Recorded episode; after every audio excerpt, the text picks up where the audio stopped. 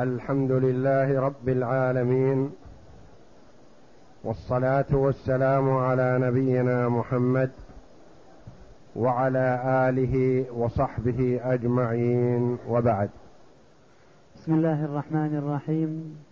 قال المؤلف رحمه الله تعالى فصل الشرط الرابع. فصل وتضم أنواع الجنس بعضها إلى بعض.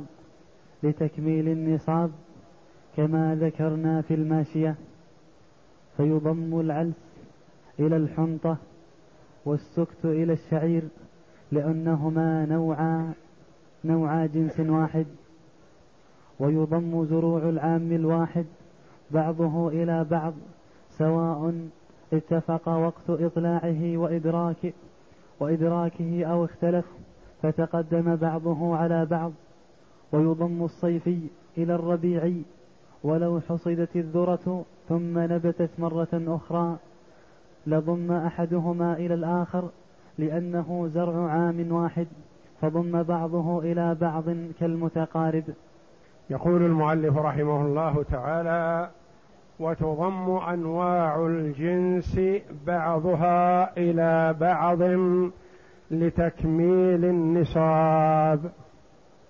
مثلا أنواع من القمح حنطة وعدس وغيره من الأنواع لكل بلد معرفة بأنواع لا توجد في البلد الآخر ويجمعها مسمى البر.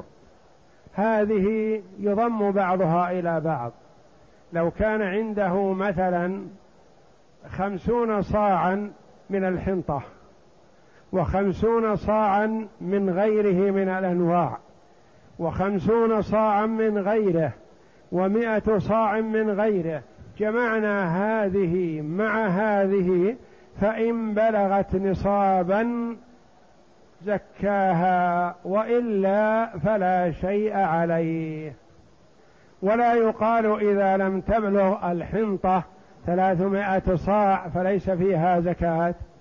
قد تكون مائه صاع والنوع الآخر مائة صاع والنوع الثالث مائة صاع وهكذا فيجتمع عنده خمسمائة صاع من أنواع متفرقة. هذه يضم بعضها إلى بعض. ويضم زرع العام الواحد بعضه إلى بعض. كذلك مثلا إذا كان القمح مثلا فيه نوع يبادر بالاستواء فيستوي قبل الآخر مثلا بشهرين أو أكثر أو أقل. يضم إنتاج العام الواحد بعضه مع بعض. مثلا عنده مئة نخلة تستوي مثلا في شهر ربيع وهذه لا تأتي بنصاب مثلا. وعنده خمسون نخلة في شهر ربيع هي حبات خضر. ما تميزت و... وما استوت وما قربت حول الاستواء. وإنما هي تستوي مثلا في جمادى مثلا بعد شهرين.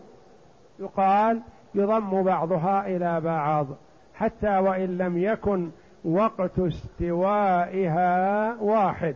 ما دامت جنسا واحدا ولو تعددت أنواعه. بخلاف الأجناس فلا يضم بعضها إلى بعض. مثلا نخل رطب ما يبلغ نصاب وعنب كذلك ما يبلغ نصاب. إذا ضم بعضه إلى بعض بلغ نصاب. هل يزكى؟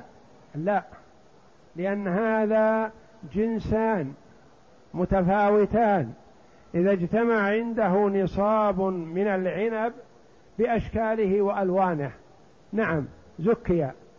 إذا اجتمع عنده نصاب من القمح بأنواعه المختلفة زكي. إذا اجتمع عنده تمر رطب بأنواعه المختلفة يزكى. مثلا لكن تمر مع عنب لا. حبوب مثلا حب الرشاد وحب الحبة السوداء وغيرها من القطنيات. تسمى القطنيات لأن هذه تقطن في البيوت. يعني يكون الكيس الصغير في البيت يبقى وقت طويل. سميت بهذا الاسم قطنيات مثل حب الرشاد والسميرة وحب الفلفل وغيرها من الحبوب. التي تستعمل بكميات قليلة ويطول مكثها في البيت سميت قطنيات كما سيأتينا قريبا. هذه سيأتي الخلاف فيها هل يضم بعضها إلى بعض أم لا؟ لكنها لا تضم إلى حب الحنطة والشعير ونحو ذلك لأنها أجناس. فالجنس ما يضم مع جنس آخر. إذا كان عنده أقل من نصاب الشعير مثلا وأقل من نصاب الحنطة وأقل من نصاب تمر وأقل من نصاب عنب فهذه لا يجمع بعضها مع بعض حتى تكمل نصاب لا. نقول هذه دون النصاب لا زكاة فيها. كونها في عام واحد لا يمنع. ما دامت في عام واحد ولو تقدم بعضها على بعض. مثلا العنب بعضه يستوي قبل بعض بشهر أو شهرين وكذلك التمر وكذلك الحبوب تتفاوت ويقال هذا صيفي وهذا ربعي يعني يستوي هذا قبل هذا مثلا وحسب وقت البذر هذا يبذر في وقت كذا وهذا يبذر يتأخر عنه في وقت كذا. فكون ما دامت أنها يجمعها ثمرة عام واحد فهي تزكى سويا. نعم. وتضم ثمرة العام الواحد بعضها إلى بعض لذلك فإن كان له نخل يحمل حملين في العام ضم أحدهما إلى الآخر كالزروع. وقال القاضي في موضع لا يضم الحمل الثاني إلى شيء والأول أولى. إذا كان النخل أو الزرع أو أي شيء يثمر في السنة مرتين فالمذهب على أنه يضم بعضه إلى بعض لأنه إنتاج سنة يعتبر بصرف النظر عن كونه بذرتين أو نحو ذلك. رواية أخرى يقول لا يضم ما دام أن هذا هو الخارج في المرة الأولى وهذا بعده مثلا بستة أشهر أو خمسة أشهر لا يضم بعضه إلى بعض. والأول أولى ما دام بذر عام واحد. كما قد مر علينا أنه كان لأنس بن مالك رضي الله عنه نخل في البصرة يحمل في السنة مرتين. هذا ببركة دعاء النبي صلى الله عليه وسلم.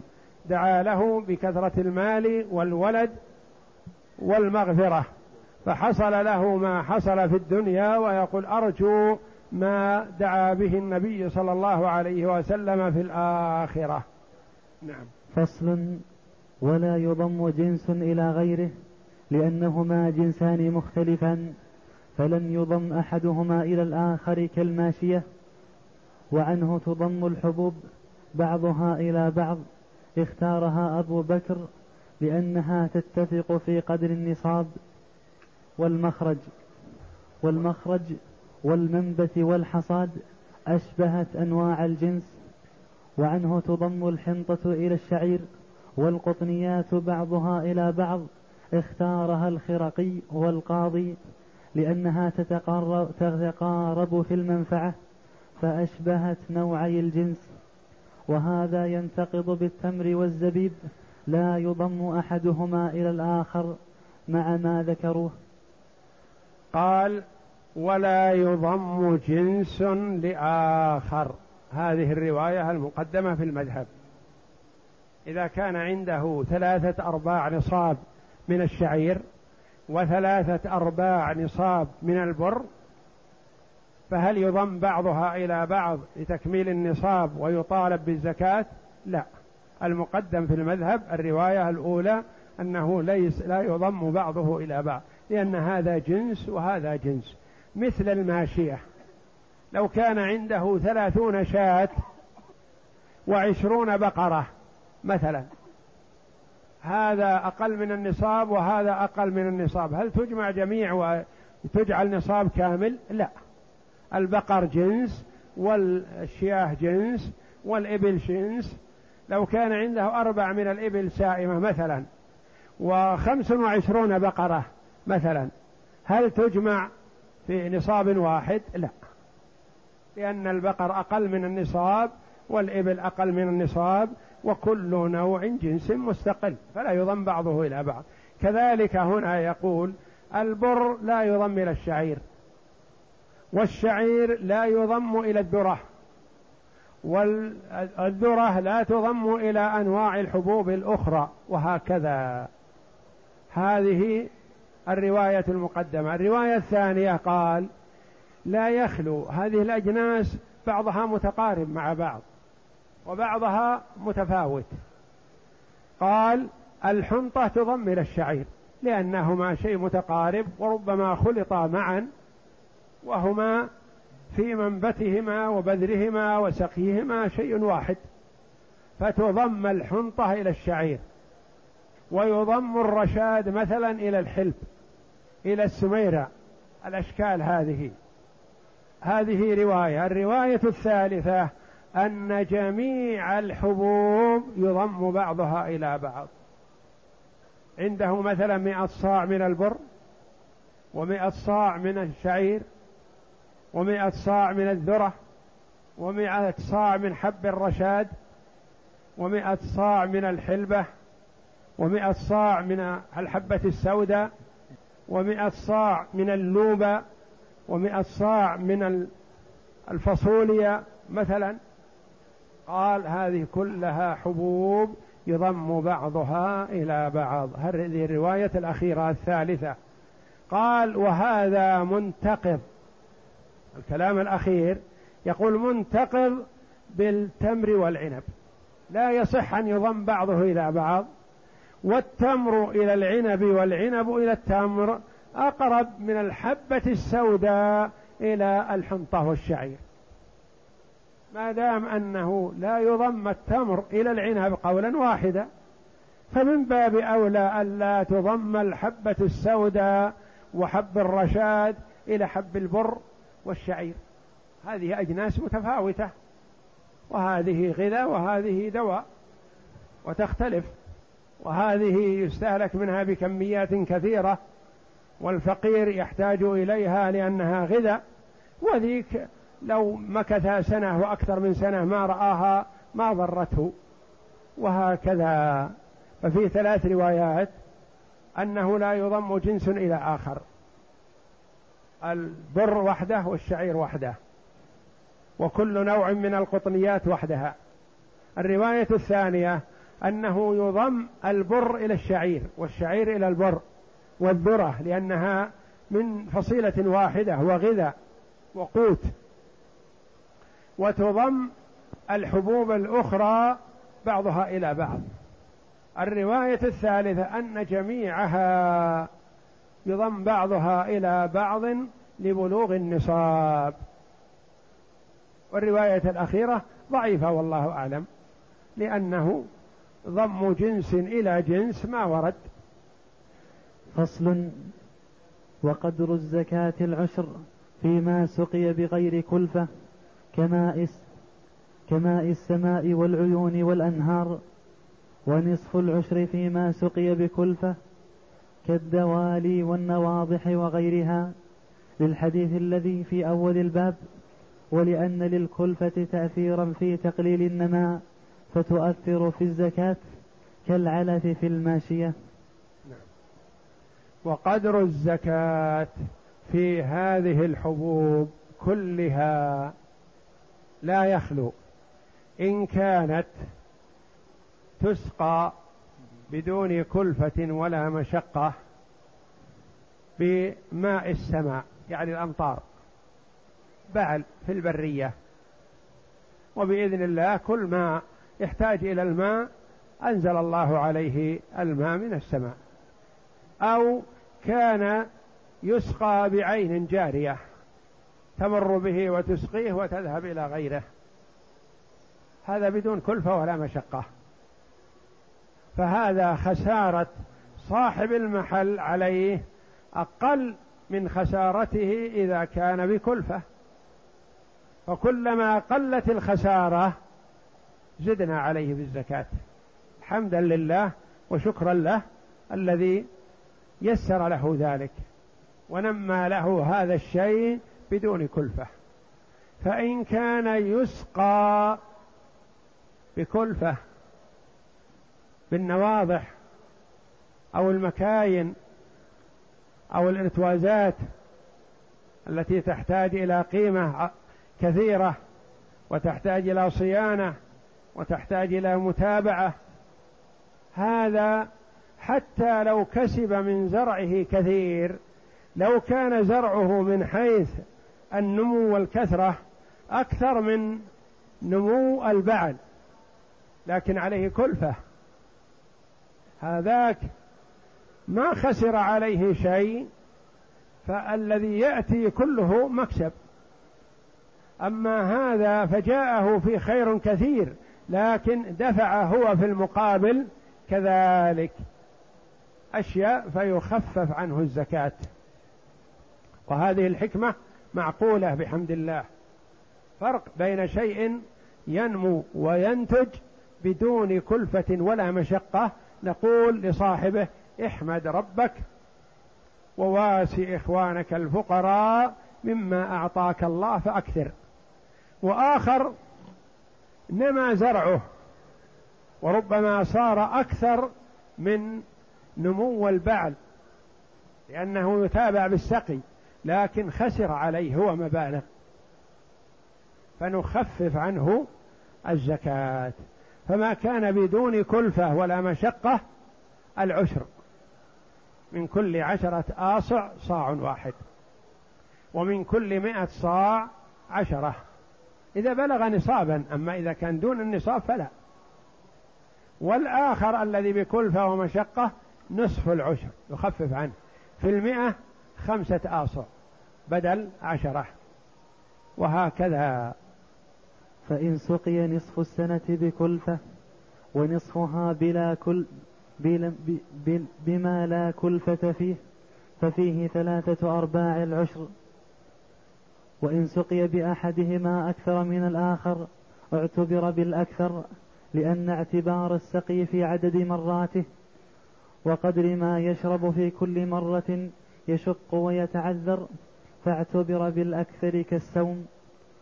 وقال ابن حامد يجب بالقسط لأن ما وجب فيه بالقسط عند التماثل وجب عند التفاضل كزكاة الفطر عن العبد المشترك. المشترك. المشترك.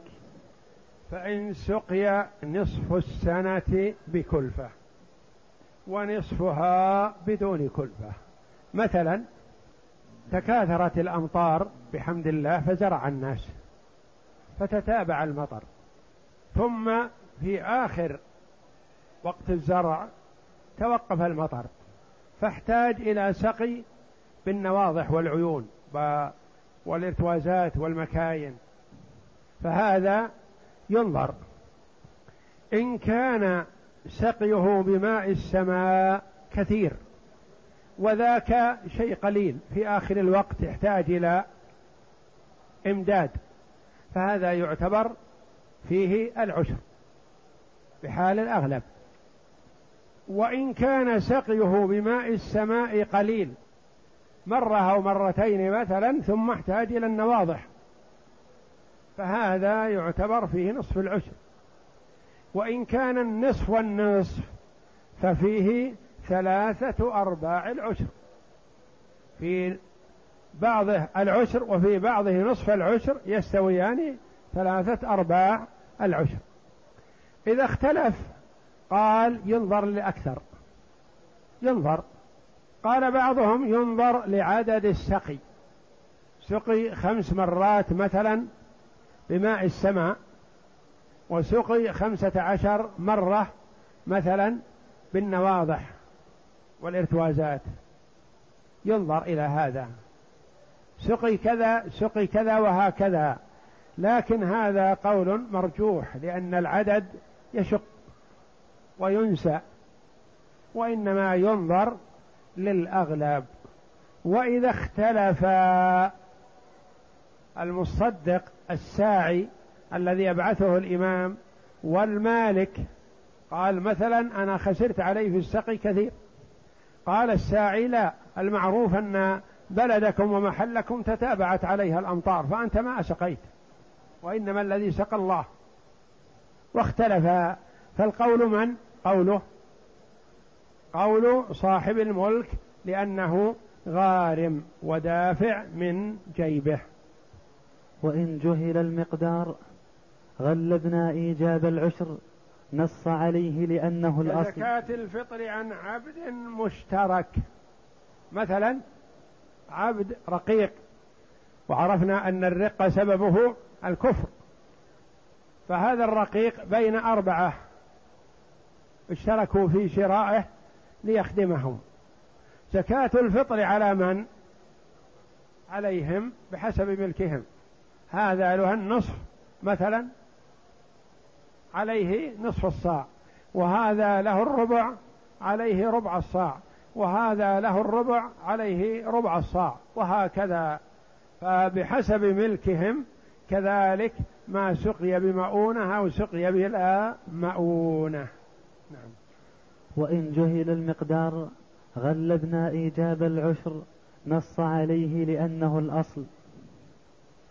إذا جهل الحال وعرف أنه سقي بمؤونة وسقي بلا مؤونة لكن شك المالك قيل له قل قال ما أدري. لا أحب أن يدخل علي شيء من مال من حق إخواني الفقراء فأنا لا أدري. والساعي لا يدري. ماذا يقال؟ يقال جنب جل جن غلب جانب الفقراء يا أخي. أبرأ لذمتك أخرج العشر ويخلف الله عليك. نعم. وإن اختلف الساعي ورب المال في قدر شربه فالقول قول رب المال من غير يمين لأن الناس لا يستحلفون على صدقاتهم. نعم القول قول رب المال بلا يمين لا يقال له احلف. لا لأن حق الله جل وعلا لا يحلف عليه. فإن كان له حائطان فسقى أحدهما بمؤونة والآخر بغير مؤونة. ضم أحدهما إلى الآخر في كمال النصاب وأخذ من كل واحد فرض فرضة ويجب فيما زاد على النصاب بحسابه قل أو كثر لأنه يتجزأ فوجب فيه بحسابه كالأثمان. فإن كان للرجل حائطان بستانان له بستان يسقى بالنواضح. والمكاين. وله بستان يسقى بماء النهر أو يسقى بماء المطر. وكل واحد ما يكمل نصاب وحده. فيضم بعضهما إلى بعض في تكميل النصاب. كمل النصاب؟ ماذا يؤخذ منه عنهما؟ كل بحسبه. هذا الذي سقي بلا مؤونة يؤخذ منه العشر وهذا الذي سقي بمؤونة يؤخذ منه نصف العشر. إيضاح ذلك. له بستانان. واحد ينتج مئتي صاع وهو بمؤونة وكلفة. وآخر ينتج مئة صاع. بلا مؤونة ولا كلفة. هذا ليس بنصاب وهذا ليس بنصاب. نضم بعضهما إلى بعض. فيكمل نصاب. ثم هل نأخذ منهما بالسوية؟ لا. هذا الذي يسقى بمؤونة وكلفة مئة صاع نأخذ منه بالمئة خمسة نصف العشر.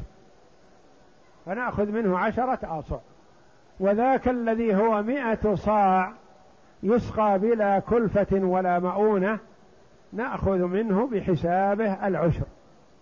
العشر كم؟ عشرة آصع هذا مئة صاع نأخذ منه عشرة وهذا مئة صاع واحدة نأخذ منه عشرة لأن ذاك سقي بمؤونة وهذا سقي بلا مؤونة. نعم.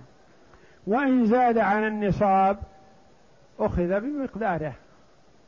هذا مثلا مئة صاع وهذا مئة صاع. هذا لا يبلغ نصاب وهذا لا يبلغ نصاب لكن بضم بعضهما إلى بعض يزيد عن النصاب. فنأخذ بحسابه ولا نقول نأخذ حساب نصاب فقط هذا نأخذ منه حساب مئتي صاع بكلفة ومؤونة عشرة آصع وهذا نأخذ منه بحسابه عشرة عشرون صاعا لأنه مئة صاع بلا كلفة ولا مؤونة فنأخذ منه عشرين صاعا. وهذا. نعم. فصل. وإذا بدأ الصلاح في الثمار واشتد الحب كالأثمان يعني كالدراهم والدنانير. كل شيء بحسابه. ما يقال ما زاد عن النصاب لا يؤخذ فيه شيء مثل الماشية. تقدم لنا أن التي فيها العفو هي الماشية من نصاب إلى نصاب. أما بقية الأشياء الحبوب والثمار ثلاثمائة صاع مثلا يؤخذ منها بلا, بلا كلفة ولا مؤونة ثلاثون صاعا. إذا كانت ثلاثمائة صاع وعشرة يؤخذ منها واحد وثلاثون صاعا وهكذا حتى عشرة آصع يؤخذ عشرها.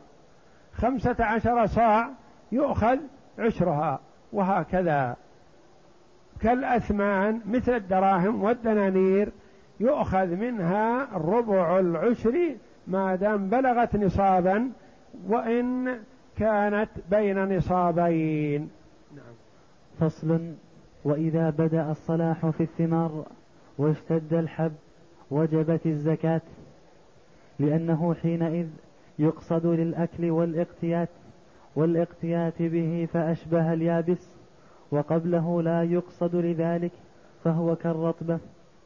فإذا فإن تلف. فإن تلف قبل ذلك أو أتلفه فلا شيء عليه لأنه تلف قبل الوجوب فأشبه ما لو أتلف السائمة قبل الحول إلا أن يقصد بإتلافها الفرار من من زكاتها فتجب عليه لما ذكرنا. نعم. وإذا بدأ الصلاح في الثمار بدأ الصلاح في الثمار واشتد الحب. الثمار يقصد بها مثل التمر والعنب والتين عند من يقول فيه الزكاة وهكذا. يعني بدأ يكون صالح للأكل. واشتد الحب اشتد الحب في السنبل يعني ما كان ماء لأنه في أول الأمر يكون بمثابة ماء. لكنه اشتد اشتد قوي وجمد حينئذ وجبت الزكاة. وش الغرض من هذا؟ الغرض من هذا أنه لو حصده أو جذه قبل بدو الصلاح وقبل اشتداد الحب فلا زكاة. مثلا عنده نوع من التمر من النخل اشتراؤه وأكله بسر قبل أن يبدو فيه الصلاح سايق. فمثلا لو صبر عليه شهر وجبت فيه الزكاة لكن إذا جذه الآن وأدخله السوق أتى بقيمة لا بأس بها. وأدخله أو جذه وأعلفه دوابة أو جذه وأهداه على الجيران والأقارب. هل فيه زكاة؟ لا. لأنه الآن بمثابة العلف. ليس تمرا يكال ويدخر ويقتنى ويحفظ ويدوم هذا بسر. بلح إن أكل في يومه وإلا فسد. هذا لا زكاة فيه. إلا في حال واحدة. إذا قصد الفرار من الزكاة عاملناه بنقيض قصده. لأن الحيل محرمة في الإسلام. واحد يتحيل على إسقاط الواجب نقول لا الواجب يجب عليك ولا يسقط. وكذلك الحبوب مثلا. قبل أن يشتد الحب في السنبل حصده وباعه علف أو حصده لأنه قل الماء عنده ويخشى عليه من العطب من الفساد. قال ما دام أخضر ممكن يستفاد منه. فحصده. هل فيه زكاة؟ لا. لأنه ما حان وقت الوجوب. فإذا فعل هذا الفعل فرارا من الزكاة أوجبنا عليه الزكاة. لأن من تحيل لإسقاط شيء أوجب عليه. مثل ما لو تحيل الرجل على حرمان امرأته من الميراث حال مرضه المخوف مثلا طلقها من أجل أن لا ترث ويسلم أولاده من مشاركتها مثلا. فيعامل بنقيض قصده وتورث في هذه الحال حتى لو خرجت من العدة. قال بعض العلماء حتى لو كانت في ذمة رجل آخر. يعني خرجت من العدة وتزوجت تورث. أقوال متعددة. لكن هذا نتيجة أنه تحيل قصد حرمان من يستحق شيئا من استحقاقه. يقول أشبه السائمة لو تلفت. واحد مثلا عنده سائمة ترعى الحول 11 شهر وفي آخر الشهر الحادي عشر ذبحها. هدي أو عقيقة أو لإكرام ضيف أو وزعها وتصدق بها قبل أن يتم الحول. هل عليه زكاة؟ لا ليس عليه زكاة لأن الحول ما تم. كذلك هذا الذي لم يشتد حبه ولم يبدو الصلاح في ثمره لا زكاة فيه.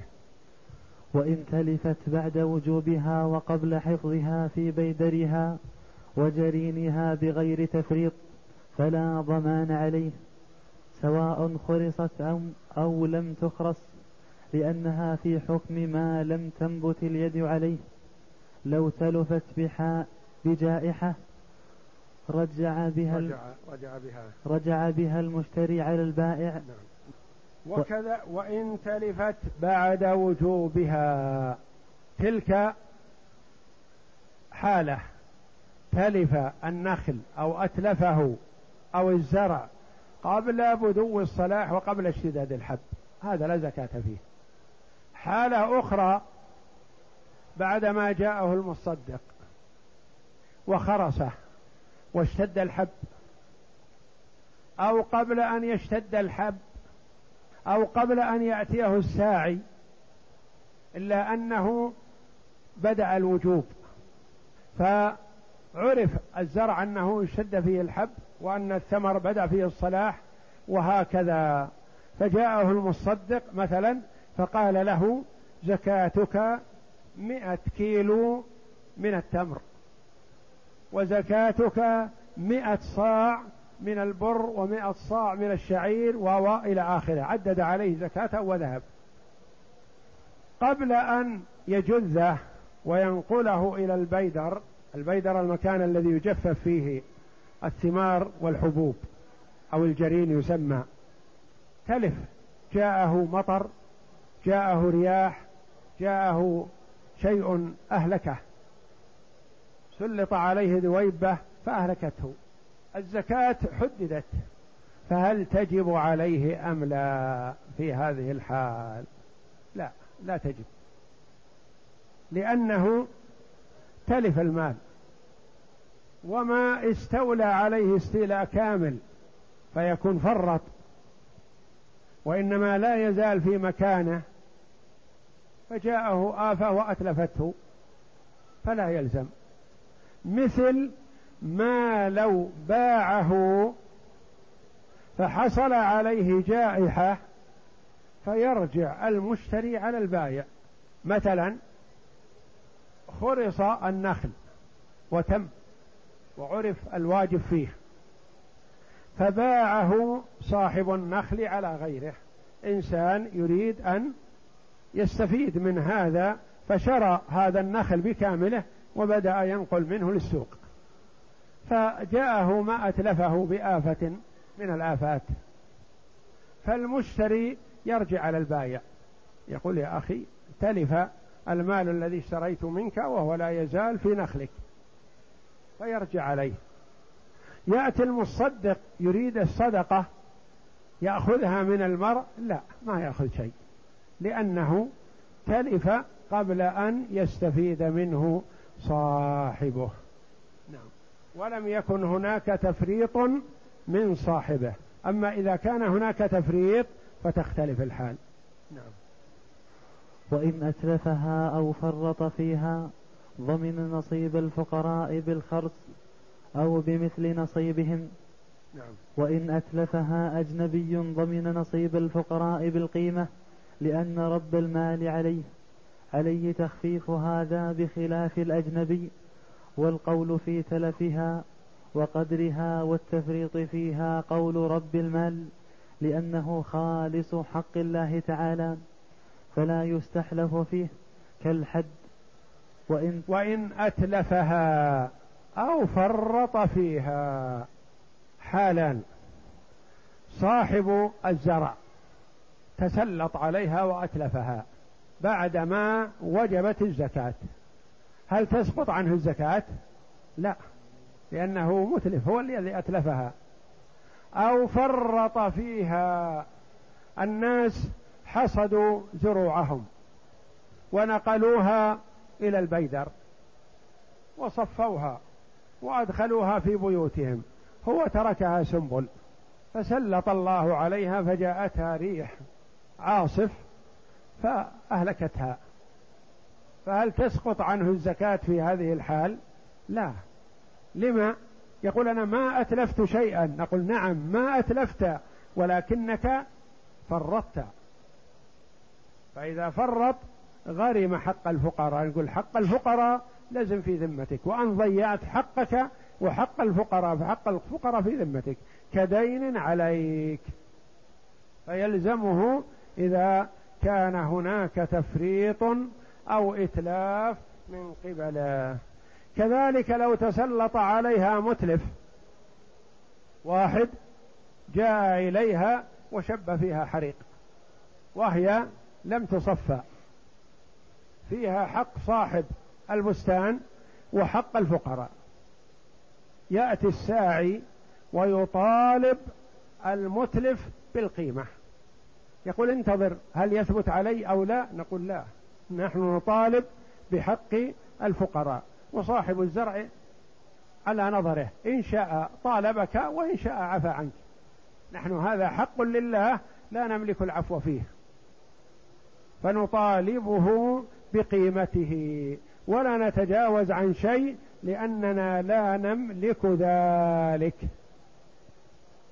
بخلاف إذا أتلفها صاحبها هو أتلفها فيلزمه أن نخيره. نقول تعطينا القيمة أو تعطينا المثل. تشتري لنا من السوق بقدر الآصع التي كانت واجبة عليك. وإن تلفت بعد جعلها في الجرين فحكمها حكم السائمة بعد الحول.